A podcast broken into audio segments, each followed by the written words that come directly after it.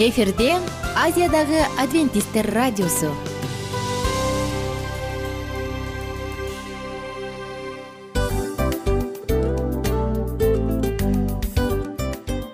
Достор салют. Баардык сүйүктүү угармандарыбызга салам айтабыз. Кутман күнүңүздөр менен. Ден соолук өмүрдүн булагы демекчи саламат саамы программасында баарыңыздарды көргөнүбүзгө абдан кубанычтабыз. Анда алгач амандашып өтөлү арбаңыздар деп. Ден соолугуңуздар кандай элибизде көбүнчө ден соолук кандай дегенде эле жакшы деп жооп беребиз э ооруп турсак дагы жакшы дейбиз. Анан мен муну айтып ойлойт элем бул абдан сонун сөз депчи анткени бул жакшы деген үмүт да э ооба баары жакшы болот баары сонун. Деп үмүттөнүп атып эле өзүбүздү өзүбүз дарылап коебуз. Анысы кандай сиздин дагы ден соолугуңуз жакшы беш деген үмүттөбүз чындыгында ден соолук бул өмүрдүн булагы деп бекеринен айтылган эмес деп ойлойм. Кыргыз элинде анткени эгерде ден соолук жок болсо анда адамдын жашоосунда калган баардык керектүү маңыздуу нерселер өзүнүн баалуулугун жоготуп коет. Ошондуктан ден соолук бул эң керектүү нерсе. Ооба туура айтасың кесиптешим. Чынында ден соолугуң жок бир эки үч күн ооруп калсаң эле э кандай болуп калат? Жашоодо көз каранды болуп каласың көп нерсеге жетишпей каласың көп нерсени кыла албай каласың жада калса эшикке дүкөнгө да чыга албай каласың. Туптуура анан ден соолук болсо демек биз биздин бактыбыз тотой деп койсок болот. Анда достор саламат саамы рубрикабызды баштайлы. Алдыда өзүңүзгө керектүү болгон сонун кеңештерди уга аласыздар. Мына ошондуктан биз менен бирге болуңуздар. Ал эми биз болсо милан жана айнура. Кеттик алга. Алга саламат саама ден соолуктун жарчысы. Саламат саама ден соолуктун ачкычы. Күн сайын сиз үчүн мыкты кеңештер сонун жаңылыктар кызыктуу фактылар. Биздин рубрикада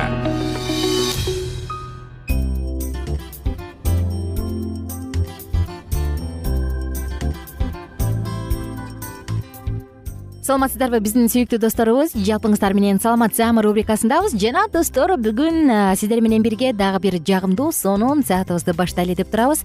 Саламат саама рубрикасында бүгүн адамдардын жашоосуна көрк бере турган адамдардын жашоосунда кооздукту тартуулай турган сүйүүнү жек көрүүнү айтор баардык сезимдерди көргөзгөн адамдын күзгүсү болгон көз жөнүндө сөз кылалы деп турабыз. Тагыраак айтканда көрүү үчүн программа деп аталат. Мына чындыгында э өзгөчө жашы улгайып калган адамдар ии көрбөй калдым көз айнек алып келчи дейт. Кимдир бирөө алыстатып китеп окуса кимдир бирөө тескерисинче тиги эле көзүнүн алдына алып келип алып окуйт бул көрүнүш ар бирибизде ар бирибиздин жакыныбыздан байкалса керек. Мына ошондуктан угармандарыбызга кайрылат элем. Эгер сиз дагы көзүңүздүн көрүүсү тээ картайып токсон жүзгө чыкканча жакшы кызмат кылып беришин кааласаңыз анда биз менен бирге болуңуздар.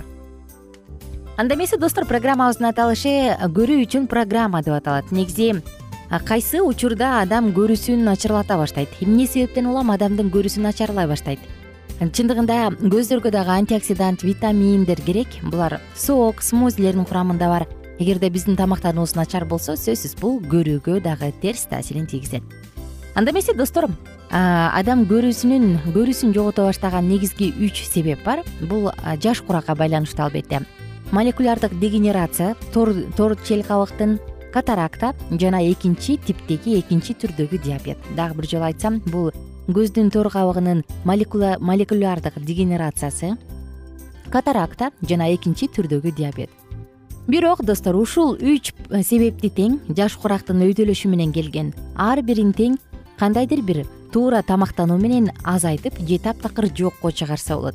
Мында дагы биз айта турган нерседе биз смузи жана соктор менен бөлүшөбүз. Дал ушул витаминдерди ичүү менен сиз пигменттик антиоксидантты пайда кыласыз а бул болсо сөзсүз түрдө көзгө абдан пайдалуу. Кайсы учурда ичиш керек? Биз айта турган программаны кайсы учурда колдонсо болот? Качан? Көз өзүнүн курчтуулугун жогото баштаганда караңгыга жакшы адаптация кыла албаган учурда ошондой эле тор кабыктын молекулярдык дегенерациясында глаукомада тор кабыктын катмарланышында жана катарактада ичүүгө болот кандай болгон программа? Кызык болуп калдыбы? Анда сөзсүз түрдө калем сапалыңыз дагы жазып алыңыз. Бир күндөгү көздүн көрүүсү үчүн жакшыртуу үчүн программа. Таңкы тамакка. Сизге болгону гана манго жана чийки шпинат кунжут пастасы апельсин ширеси керек. Бул смузи бүркүттүн көзү деп аталат. Анын салмагын айта турган болсок жүз алтымыш жети калорий жана эки жүз элүү миллилитрдин ичинде мунун баардыгы тең адамдын көрүүсүн жакшыртат жана молекулярдык дегенерацияны алдын алат. Түшкү тамак учурда түштөн кийинки чейин дагы бир таңкы тамак бар э нанюш мында болсо бул бизге ломбард капустасы кызыл капуста деп коет эмеспизби? Черника кокос сүтү жана лимон ширеси. Булардын баардыгы тең фиолетовый сыя көк үндө болгондуктан тор чел кабыгынын иштешин жакшыртат. Түшкү тамак ачык көз караш деп аталган смузи. Мында сизге грейпфрут ширеси керек. Кара смородина. Карагат деп келебиз жана кешью булардын баардыгы тең көздүн ичиндеги кан басымды нормалдаштырат жана глаукоманы алдын алат. Түштөн кийинки учур. Үч пигменттүү деп аталган сокту сунуштайбыз. Ал үчүн сизге шпинат сабиз жана кара карагаттын ширеси керек бул үч түстөгү пигменттүү соктун курамы ушундайча ушунчалык витаминдерге бай болгондуктан адамдын көзүнүн тор кабыгын калыпка келтирет жана көздүн көрүүсүн жакшыртат. Ошону менен бирге ал адамдын иммунитетин дагы чыңдайт. Жана жатчу мезгилге келдик. Жатарда сабиз ширесин сунуштайбыз. Анда ингредиенттер чийки сабиз лимон ширеси болду. Бул бета каротинге абдан бай болуп ошондуктан антиоксидант болуп саналгандыктан жана анын төсү саргыч болгондуктан бул көзгө эң эле керектүү азык болуп саналат. Ошондой эле достор көзгө дагы эмне пайдалуу? Көзүбүздү колдон келишинче коргогонго аракет кылат эмеспизби? Көзгө дагы эмне пайдалуу дегенде биз көздү колдон келишинче ультрафиолет нурларынан сакташ керек. Ал үчүн албетте күндөн коргоочу көз айнек тагынуу маанилүү. Ошондой эле уруктарды альфа линоль кислотасы омега үчкө бай болгон уруктарды көбүрөөк жегенге аракет кылыш керек. Бул уруктар жаңгак грек жаңгагынын курамында зыгырдын үрөнү жана чияда абдан көп болот. Ошондой эле антиоксиданттарды көбүрөөк жегенге аракет кылыш керек жана көздү тез тез ирмеп туруш керек. Караңызчы достор жөнөкөй эле азыктардай көрүнөт э карап отурсаң. Бирок алардын маанилүүлүгү абдан зор. Ошондуктан сиздин күнүмдүк тамагыңызда эгерде көрүүдө көйгөй жаралса же болбосо ушундай көрбөй калбасам экен деп корко турган болсоңуз анда биз сизге манго шпинат кунжут пастасын апельсин ширесин сунуштайбыз. Грейпфрут ширеси кара карагат кешью дагы эмнени айттык ломбард капустасы бул кызыл капуста черника кокос сүтү лимон ширеси дагы эмнени айтып өттүк? Шпинат сабиз жана кара карагаттын ширеси. Мына ушул нерселерди сунуштайбыз. Буларды жөө менен бирге өзүңүздүн көрүүңүздү сактайсыз. Мен жана ошондой эле дагы бир маалыматтан окудум эле. Эгер көзгө көп учурда компьютердин маңдайында отуруп иштей турган болсок өзгөчө иштебесең дагы азыр телефонду тиктеген жаштар балдар дагы абдан көп. Мындай учурда көздү тез тез ирмеш керек. Андан тышкары көзгө атайын көнүгүүлөрдү жасаш керек. Сиз өзүңүз интернет булактарынан издеп таап алсаңыз болот. Бул кандай көнүгүүлөр экенин аларды дагы карап жакшылап текшерип эмне кылсам болот кандай кылсам болот деп өзүңүз үчүн сөзсүз түрдө кам көрүп кетиңиз. Ошондой эле достор. Ошондой эле кайсы бир жерде мисалы айылда жашаган адамдардын көрүүсү шаарда жашагандарга караганда бир топ жакшы деген изилдөө жүргөн. Себебин эмне менен түшүндүргөн шаарда баардык үйлөр жакын жакын биз мейкиндикке көз жүгүртүп карабайбыз. Анткени көз жүгүртөйүн десең да мейкиндик жок э? Кабат кабат үйлөр жакын жакын жакын салынган имараттар булардын баардыгы биздин көрүүбүздү бузат. Ошондуктан ээн талаага чыгып алып тээ алыска көз чаптырып карап турсаңыз бул дагы көрүүнү жакшыртат достор көздө көйгөй болбосун анткени көз биздин чырагыбыз деп коет эмеспизби ошондуктан көрүүлөр эч качан начарлабасын. А мен болсо сиздер менен коштошчу учурга келдим. Кийинки уктуруудан жалпы угармандарыбыз менен кайрадан амандашып биз нейрозащиттик нейро коргоочу программа деп аталган сонун программа менен бөлүшөбүз. Ага чейин жалпыңыздар менен амандашканча сак саламатта туруңуздар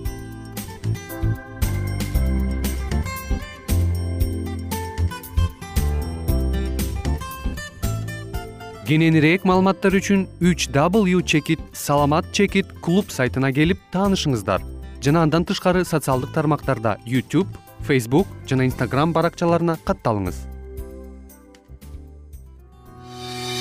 Саламат саама ден соолуктун жарчысы. Саламат саама ден соолуктун ачкычы. Күн сайын сиз үчүн мыкты кеңештер сонун жаңылыктар кызыктуу фактылар. Биздин рубрикада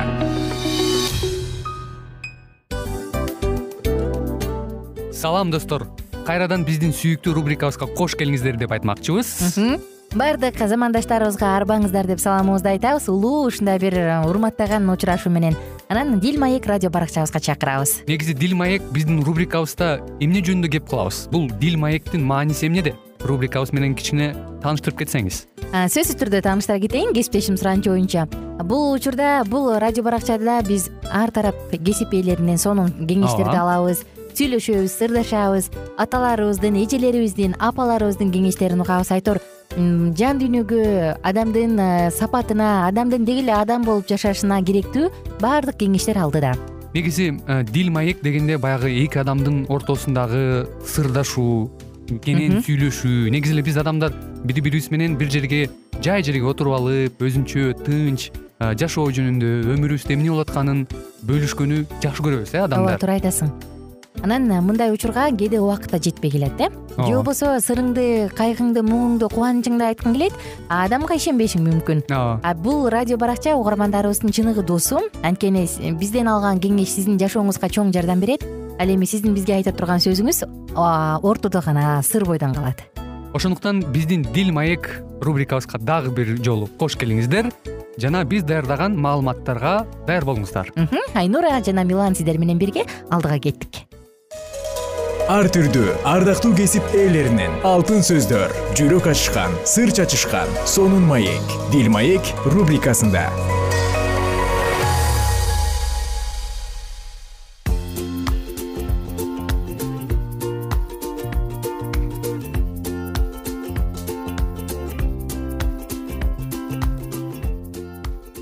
салам достор кымбаттуу угармандарыбыз кайрадан эле биз сиздер менен дил маек уктуруусунда кездешип жатканыбызга өтө кубанычтабыз. Бүгүнкү программабызда кайрадан эле үй бүлө багытына арналган уктуруубузду улантмакчыбыз. Салам достор биздин жыштыгыбызды угуп жаткан тыңдап жаткан угармандарыбыздын баардыгына сагынычтуу салам. Сиздер менен амандашып ушул жыштыктан көрүшпөсөк дагы угушканга мүмкүнчүлүк бар экендиги үчүн албетте шүгүрчүлүк келтиребиз. Жана үй бүлөдөгү конфликттерди кантип чечиш керек конфликт эмнеден келип чыгат деген биз чоң глобалдуу темабызды биз кайрадан улантуудабыз эгерде сизге кызык боло турган болсо анда программаны калтырбай угуңуз андыктан биздин ободон эч кайда алыстабаңыз. Кымбаттуу угармандарыбыз биз болсо алдыны көздөй сапарыбызды улантабыз. Э, мурунку уктуруубуздачы улан эсиңдеби биз үй бүлөдө адам эмнени күтөт күтүүлөр орундалбай калганда конфликт келип чыгат деп сөз кылып атпадык беле ооба. Анан эсиңде болсо мен апалардын аял заты эмнени күтөт деген суроого мен айткам э алардын жүрөгү энелик жүрөктөр. Эне эмнени күтсө алар да ошону күтөт депчи анан э, бир мисал келтирип аткам.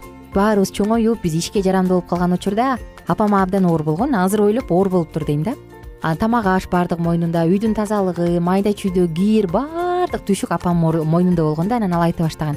Мен чарчадым эмнеге балдар мени түшүнбөйт депчи анан керек болсо мен дагы аны түшүнө албай калгам да. Эмне эле апам үйдө үйдө эле отурат бир тамак жасап койбойбу деген сыяктуу мамиле кылып баштагам да. Анан баарыбыз ушундай апабыздан милдеттүү катары көрүп калган учурубуз болгон. Мен ойлойм азыр деле мындай үй бүлөлөр көп болуш керек депчи. Керек болсо келинчеги деле ал тамак жасаганга милдеттүү деген эркектер бар тилекке каршы. Анан апабыз ошентип баштаганда атам болушту. Анан ал баягы катаалдык менен үстөлдү бир коюп эмне силер деген жок да атам жөн гана биздин мээбизге программирование киргизе баштады да. Ал мындай деди мен апамды дайыма ушундай күн сыяктуу чыгып турат деп ойлочумун. Бирок ал азыр жок тилекке каршы депчи анан азыр апамдын суу кесмесин да сагынам депчи анан мен өкүнөм деп калды да апам атам. Ошо апамдын ушу суу кесме жасаса ботко жасаса дагы эмне жасабасын келип апа рахмат деп бетинен өөп аз эле ыраазычылык айткандарыма өкүнөм. Бул менин өкүнүчүм деди да. Эгерде азыр апамдын көзү тирүү болгондо мен барып апа сага рахмат ушу. Суу кесме болсо да сенин колуң менен жасадың. Атайын ушу мешиттин жанында бир саат тикең тик турдуң. Рахмат деп бетинен өөп кучактап анан ага эртеси даяр тамак алып келип берет элем. Мен ушинтип ыраазычылыгымды билдирет элем анан дем алыш күндөрү болсо апа жакшы тамак жасап бер дебестен мен аны кафеге алып барып апа сен бүгүн эс алчы ушу тамакты таштачы дейт элем депчи. Дегенде анан мен абдан ойлондум да ай а мен кандай мамиле кылып атам? депчи. Анан балдардын баары ойлоно баштады ошентип дайыма күнүгө бир нече жолу айта баштады. Апаңар күнүгө чыгып турган күн эмес. Бүгүн бар эртең жок болуп калабыз. Апаңарга сый урматыңар көргөзүп алгыла эмне көп болсо бир аз акчаңар кетет экен. Базарга ичитип баргыла кафеге киргизгиле кийим алып бергиле. Азыр силер иштеп атасыңар. Бул силердин колуңарда деп калды да. Анан ошол нерсени көрүп отуруп анан чын эле деп анан баарыбыздын мамилебиз кардиналдуу түрдө өзгөрдү. Апа бүгүн сен тамак жасабай эле кой келгиле андан көрө баарыбыз акча чыгаралы дагы ортодон кафеге барып келебиз. Жөн гана баарлашып сүйлөшүп келебиз деп анан апабызды дем алыш күндөрдө сыртка чыгара баштадык. Мен жумуштан эртерээк келип бүгүн сен жасабай эле кой апа мен жасап берейин деп калдым. Балдар болсо ар бир тамак үчүн ыраазычылык айтып бетинен сүйүп үй апа рахмат деп эмне берейин? деп анан бир аз акча ашыгыраак берип коюп өзүңө жаккан бир нерсени алып ал мүмкүн түштө тамак жасап эле атам экөөң кафеден ичип алгыла деп ушинтип баштадык да. Анан апабыз кадимкидей гүлдөп жайнап ал тескерисинче баягы макарон кууруп калган болсо кийин окуп бетер колдон келишинче түрүлөп тамак жасаганга аракет кылды да. Менин айтайын дегеним энеби апабы эркекпи баарыбыз күтөбүз. Анан ошол күтүүлөрүбүздү алганда биз эки эсе андан мурункудан да көбүрөөк жасай баштайт экенбиз да. Бизде энергия пайда боло баштайт экен анан айымдар дагы эгерде сенин бул милдетиң тамак жасаган деген сөздү айтсаңыз анда жаңылышасыз анткени аял заты тамак жасаш үчүн жаралган эмес э? Бул ар бир адам өзүнүн кардысын тойгузганды билиши керек да. Ошондуктан эгерде күнүгө келип эмне баягы эле тамак десеңиз мүмкүн келинчегиңизге өзгөчө көңүл бурчу учур келгендир мүмкүн анын күтүүлөрү такыр башка болуп сиз анын муктаждыгын канааттандырбай жаткандырсыз ооба абдан жакшы. Чындап эле жогоруда кесиптешим урматтуу угармандарыбыз сиздер менен ушул өзүнүн атасынын э, балдарына кылган мамилеси ошол эле учурда жубайына кылган мамилеси туурасында абдан бир кеңири маалыматты бөлүшүп өттү. Э, чындап эле биз ушул нерседе мындай тыянак чыгарып анан э, бир бүтүмдүккө келсек болот экен да. Мен өзүнчө мындай атаңыздын эрдигине өтө бир чоң сыймыктануу менен баа берип жатам. Себеп дегенде баардык эле мисалы инсандар баардык эле эркектер мындай нерсени кыла бербейт жана колунан да келе бербейт. Анан бул туурасында чын эле ой жүгүрткөн гана адам э, ошол нерсени баягы баамдаган адам гана э, кыла алат деген ойдомун да. Анан чындап эле баягы колдоо тилекке каршы кээде биздин жашообузда мындай болуп калат эмеспи кесиптеш. Мисалы колдо бар алтындын баркы жок болуп ооба көп учурда биз чын эле ошол өзүбүздүн бул жерде баягы үй бүлөдөгү эле жеке никелик жашоо дагы эле эмес ошол эле ата энебиздин дагы кээде бизге кылган ошол э, мамилесин бир чөгүн чай ичсек дагы колунан. Ошол нерсени кээде мындай баалабай барктабай кадыреси катары кабыл алып калабыз калган учурлар болот да. Мисалы окшо апабыз э, күйпөлөктөп ошол күнкүгө мындай чайын даярдап дасторконун жайнатса да кээде ошого ыраазы болбогон дагы э, мындай учурларга күбө болобуз да анан бул чындап эле бул өтө бир мындай көйгөй десек болот бүгүнкү күндө ушул конфликт десек болот да. Бул аркылуу дагы үй бүлөдөгү бир мындай баягы ырк кеткен кетет. десек туура болот. Достор мына ушундай биз күтүүлөр жөнүндө дагы сөз кылдык. Конфликт эмнеден улам келип чыгат дегенде адамдын күтүүсү адамдын ою орундалбагандыктан ал өзүнө керектүү нерсени албагандыктан деп.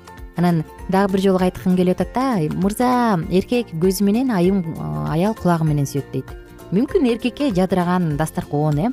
Жумуштан келгенде баягы эски халатты кийип тизеси чыгып калган шым эмес. Жасанып алып жакшынакай тосуп алып жаркылдап бетинен сүйүп жаркылдаган маанайыңызды жөн гана күтүп аткандыр э? Мүмкүн ким билет? Эгерде сиз ошондой маанай менен күтүп ала турган болсоңуз жолдошуңуз күнү гүл да көтөрүп келер. Ким билет э? Туурабы? Албетте. Анан болгону биз мен кээде ойлойм да мен ушинтсем ал мынтет деп соодалашып мамиле кылган бул өзү туура эмес депчи. Мамиленин негизги негизи бул мен жакшы бир улуу инсандан үлгү алгым келет. Мен улуу бир кимдир бирөөнө мисалы ар бирибиз жаратуучу күч деп келебиз э кудай деп келебиз ар бирибиз ар кандай атап келебиз? Мүмкүн мен ошол кудай үчүн же жакшылык үчүн жасагым келет дей турган болсок анда бизде көңүл калуу дагы болбойт болуш керек э? Бирок бирок бир нерсени эске алыш керек. Биз адам болгондуктан бизде сырье ченелүү ал бүтөт. Ооба биз дайыма эле күтүп анан берип эле келе албайбыз биз берген нерсебизди алгыбыз да келет. Ошондуктан мамиле деп эки тараптуу бир этиш сөз айтылса керек да. Тилекке каршы саатыбыздын соңундабыз. Мен ойлойм кийинки уктурубузда биз конфликттерди чечүүгө киришебиз деп э буюрса анан алдын алууларга да өзүнчө бир токтолгонго мүмкүнчүлүк болот деген ойдомун. Азырынча болсо сиздер менен коштошобуз. Сөзсүз түрдө кымбаттуу угармандарыбыз э, бизге убакыт э, чектелүү болгонуна байланыштуу. Ушуну менен сиздер менен коштошууга аргасызбыз. Э, эмки уктуруудан дал болсо алдыда кызыктуу маектер менен программабызды улантмакчыбыз. Кайрадан дал ушул аба толкундан үн алышканча амандыкта туруңуз ар түрдүү ардактуу кесип ээлеринен. Алтын сөздөр жүрөк ачышкан сыр чачышкан сонун маек. Дил маек рубрикасында.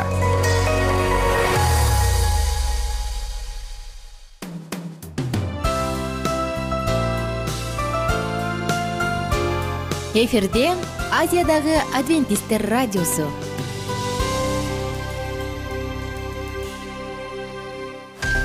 жан дүйнөңдү байыткан жүрөгүңдү азыктанткан жашооңо маңыз тартуулаган жан азык рубрикасы.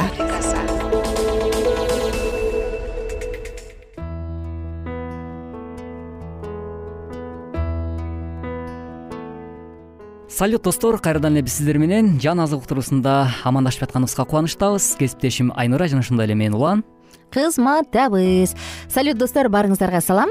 Жана арбаңыздар деген улуу учурашуу менен жан азык рубрикасын баштадык. Эске сала кетсек мурунку уктуруубузда биз жамандыкка жакшылык деген теманын үстүнөн сөз кылып келе жатабыз. Эмне себептен биз жакшылык кыла албай калып жатабыз? Эмне себептен биздин колубуз тарып бара жатат? Эмнеге элибиз э ата бабаларыбыз жамандыкка жакшылык деген жакшылык кылыш керек десе дагы биз кыла албай жатабыз. Анан коомдук каналда бир сонун программа бар. Жумасына бир эле жолу чыга турган. Анан анда санда кээде кээде ушул программаны көрүп калам. Анан өткөндө инимдин үйүнө конокко барып атам экөөбүз ушул программаны көрүп калдык. Анан ал жакта ушундай улуу ушундай бир акылдуу элди баалаган сөздү баалаган кыргыздын баалуулуктарын баалаган инсандар конокко келишиптир анан алып баруучу айтып атпайбы мисалы дейт ушундай сонун сөздөр бар дейт да. Улууга урмат кичүүгө ызат дейт. Кандай деген сонун таалим тарбиялар бар. Бирок эмнеге аны биз аткара албайбыз дейт да. Эмне себептен ушул сөздөр айтылып айтылып келет бирок биз аны аткарбайбыз деди да. Түгөлбай казаков ошондо ошол программаны алып барып аткан. Анан алда бери жактагы адамдар өздөрүнүн оюн айтып атат. Мындай го мындай го андай го депчи анан ошол түгөлбай агабыз айтып атпайбы анткени дейт. Биз өзүбүз аткарбайбыз деди да. Анткени биз аткарбайбыз дейт. Биз аны баалабайбыз. Анан кичилерге дейт өзүбүздүн баягы пайдабыз үчүн ай улууну урматташ керек дейбиз дейт да? деп талап кылабыз а бирок өзүбүз эч качан улууну урматтаган эмеспиз дейт. Ошол себептен биз аткарбагандыктан алар сөзсүз өлүк бойдон кала берет деди да. Мага бул абдан жакты мындай ушул адамдын дагы бир аны негизи сыйлайсың го баарыбыз эле сыйлайбыз мына андан дагы көбүрөөк сыйлап калганга аябай түрткү берди да. Чындыгында биз айтабыз ай минтпеш керек дейбиз бирок көбүрөөк кылабыз. Анан бир тааныш адамдардын үй бүлөсүндө мындай окуя болгон да. Ата энеси көп айтчу экен да. Балам улууларга жаман айтпа улууларга мындай орун бошотуп бер деп айтышчу экен да. Анан бирок бирок ошол эле учурда үйдө отуруп алып ошол эле адамдар жөнүндө жаман сөздөр сүйлөшчү экен. Анан бир күнү бир эже келип калат ошол эже жөнүндө сөз болуп атыптыр дейт. Анан ал келип калганда баласы ии эже мен деген апам айтпадыбы сиздин оозуңуз сасык экен мени өптүрбө деп айтпадыбы деп айтып салыптыр да кичинекей эки жаштагы балачы үч жаштагы балачы анан балды беркилер да аябай ыңгай сабалда калып аркылар да ыңгай сабалда калып аябай жаман болушуптур да. Анан кийин кой мен булар менен катышпай эле коеюн мен жөнүндө мындай ойдо болсо деп тиги эже келбей калды дейт. А мындан эмнени кылсак болот? Биз канчалык сонун сөздөрдү кооз сөздөрдү айтпайлы э бирок үй бүлөбүздө жашообузда бул нерсе болбосо мен ойлойм эч качан балдар ооба мен жакшылык кылам деп чоңойбойт болуш керек деп туптуура айтасың. Э, кесиптешим чындап эле баягы кичинекей баланы алдай албайсың деп дагы айтат эмеспи. Андыктан биз э, чын эле кандай э, мисалы үй бүлөдө ошо отурганда э кимдер менен отурабыз кандай чөйрөдө отурабыз ошол нерсеге да мындай олуттуу мамиле кылганыбыз абдан маанилүү болуш керек менимче. Анан эмне себептен дегенде да мен айткым келип турат да бул жерден тарбиянычы кайра эле тарбияга кайткым келет да. Кичинекей кезинен бала эмнени көрүп чоңойсо ошону кылат. Мисалы католиктер балаңарды тогуз жашка чейин эле бизге берип койгула дейт. Биз жолго салып беребиз. Анан кийин маани силер каяка алып кеткиле дейт да. Бирок ал ошол жолдон чыкпайт дейт. Анан ыйык жазууда айтып коет айтып жазылат эмеспи кичинекей кезинде чындык жолго салсаң дейт. Ал аны картайганда да бурулуп кетпейт деп.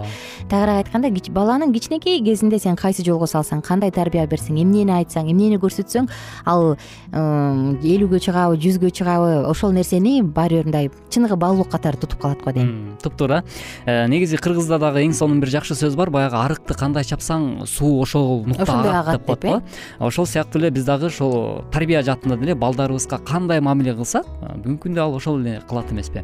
Туура. Анан чындап эле баягы балдардын көзүнчө э, ошол башка кадыр барктуу адамдарды бир кемчилигин айта билип анан анын кемчилиги жөнүндө жамандап бул деген мындай адам деп айтыш бул чындап эле албетте туура эмес туптуура анан анда жамандыкка жакшылык менен жооп беришибиз үчүн биз эмне кылышыбыз керек? Ошол жөнүндө сөз кылбайлыбы кандай дейсиң?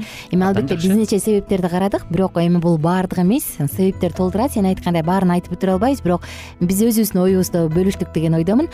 Анда биз кантип жамандыкка жакшылык менен жооп бергенди үйрөнө алабыз эң сонун ойду айтып кеттиң кесиптешим. Негизи эле э, буга чейинки программабызда да сен айтып өткөнсүң э, менин үйүмдү баягы кабаттуу үйдө жашагандыктан суу кошунам суу каптап кеткендиктен нойдун убагындагы суу каптап алды. суу каптап кеткендиктен баягы мен баягы эмоциямды басып жөнөкөйлүк менен э, смсти жөнөкөй сөздөр менен жазып мындай ийилип ушундай мындай сыйлыктык мамиле менен эметип анан кошунамды утуп алдым деген сыяктуу айтпадымбы анан. Чындап эле бүгүнкү күндө бизге ушул нерсе мындай жетишпегендей сезилет да мага. Анткени ар бир эле адам э, мисалы от күйүп аткан учурда дагы өзүн токтото билгенге сабырдуу болгонго үйрөнө билген болсок анда ата канат биздин бүт коомчулук ушул нерсеге мындай даяр боло турган болсо анда эң сонун мыкты э, бир кайрадан улуттук э, руханий колоритибизди көтөрүп алганга сонун мүмкүнчүлүк болмок да. Бирок тилекке каршы баягы беш кол тең эмес деген сыяктуу э, ар тараптуу адамдар бар ар кандай ойлорду айткан адамдар бар да. Бирок сен эң жакшы нерсени айттың? Баягы улуунун өкүлдөрү жанагы программанын негизинде айтпадыңбы ушундай улуттук каналдан программа көрүп калдым депчи. Анан ошол жерде деле мисалы абдан жакшы алып баруучу айтканда эгерде өзүң э, кылбай туруп сен жаштардан бүгүнкү күндө ошол эле өзүң жаш болуп туруп э, же болбосо улуумун болуп туруп жаштардан талап кылсаң же жаш болуп туруп сенден кичүүлөрдөн бир нерсени талап кыла турсаң өзүң аткарбай турупчу. Анда мунун эч кандай мындай жемиши жок да. баасы жок э? Сөзүңдүн наркы жок сөзүңдүн салмагы жок да ал эч качан сыйланбайт. Ооба баркталбай каласың. Ошондуктан мен ойлойм ар бир инсан ошол э, ар бир нерсени кылып жатканда өзү биринчи кылып ошол нерсени өзү аткарып туруп анан бирөөдөн талап кылса анда абдан жакшы болот да. Бул мисалы жумушка деле байланыштуу болуш керек. Менимче жетекчи деле өзү э, бир компаниянын директору болсо ал деле өзү биринчи жумушун мыкты билип анан э, аткарып э? аткарып анан үлгү берип туруп. Ооба анан кызматчылардан талап кылса анда ал сөзсүз түрдө кадыр баркка ээ болот. Сөзсүз. Силер кылышыңар керек мен үйдө карап өсүшүм керек десем болбой калат э достор мен сен айтып атсаң эстеп кеттим. Бир психологко баламды балабызды кантип тарбиялайбыз такыр тил албай атат деп келишет да. Анан ал психолог айтат да өзүңөрдү тарбиялагыла баланы тарбиялап кереги жок аны жөн гана сүйгүлө анан ал өзү эле тарбияланат деп туруп анан кетириптир да. Анан экөө келип алып ушул үчүн миң сом төлөдүкпү ушундай консультацияга эмнеге бардык деп бир сыйра урушуп анан кийин кел кылып көрөлү. Деп баласына сүйүү көрсөтүп анан экөө баласынын көзүнчө чын эле мындай жакшы тарбия бергенге үлгү көрсөткөнгө аракет кылдык дейт да. Анан чын эле баласы мисалы ай отуруп алып семишке чакпа дегенде такыр укчу эмес экен да. Андан кийин атасы семишке чакса да ашканага отуруп алып чагып жыйнап артынан кеткенде баласы аны утурай баштады дейт. Бул дагы чын эле э достор убактыбыздын соңку мүнөттөрүндөбүз кийинки уктурууда мындан ары оюбузду улантабыз кайрадан амандашканча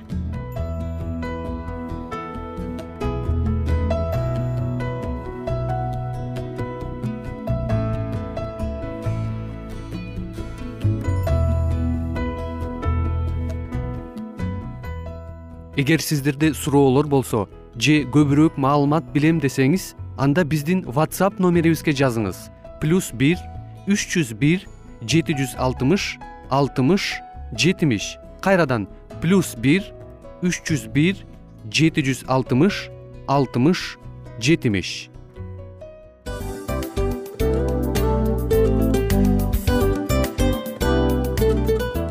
ушул менен достор программабыздын уктуруубуздун эң кайгылуу мөөнөтүнө келип жеттик. Кайгылуу дегенде ыйлагым келип кетти кесиптеш. Кадимкидей. Анткени баягы учурашасың анан коштошуу учуру келгенде ии кантип ии эми эми бат баттан келиптир э сагындырбай деп атып араң коштошобуз го анысы кандай угармандарыбыз менен коштошчу учур келди. Кийинки уктурууларды сагыныч менен жүрөгүбүздө кусалык менен күтөбүз жалпыңыздарды анан жарым сааттык уктуруу көз ачышым канча өтүп кетти сөзсүз. Бирок бизде жакшы кабар бар. Кийинки уктурууларыбызда сөзсүз дагы кезигишебиз. Анткени биз көптөгөн сюрприздерди кызыктуу маалыматтарды жана керектүү керектүү нерселердин көбүнчөсүн даярдадык. Андай угармандарыбыздын баардыгына ийгиликтүү күн каалайбыз эгерде бүгүнкү күнүңүз өзгөчө э, өтүшүн кааласаңыз анда позитивдүү ой жүгүртүп жылмайып жакындарыңызга жакшы маанай тартуулап жүрө бериңиз анткени сөзсүз түрдө мунун арты кайтат э? Сөзсүз. Баягы ден соолугуң оңолот ал бул деп көп нерсени санап келебиз. Эң негизгиси бул сиздин жашооңузду жаркын кыла түшөт экен. Жараткан кудай ар бирөөңүздөргө батасын берсин жашооңуз ийгиликтүү болсун сак саламатта калыңыздар деп мен милан жана кесиптешим айнура. Баардыгыңыздар менен кийинки уктурууда үн алышканча. Баарыңыздарга ийгилик каалайбыз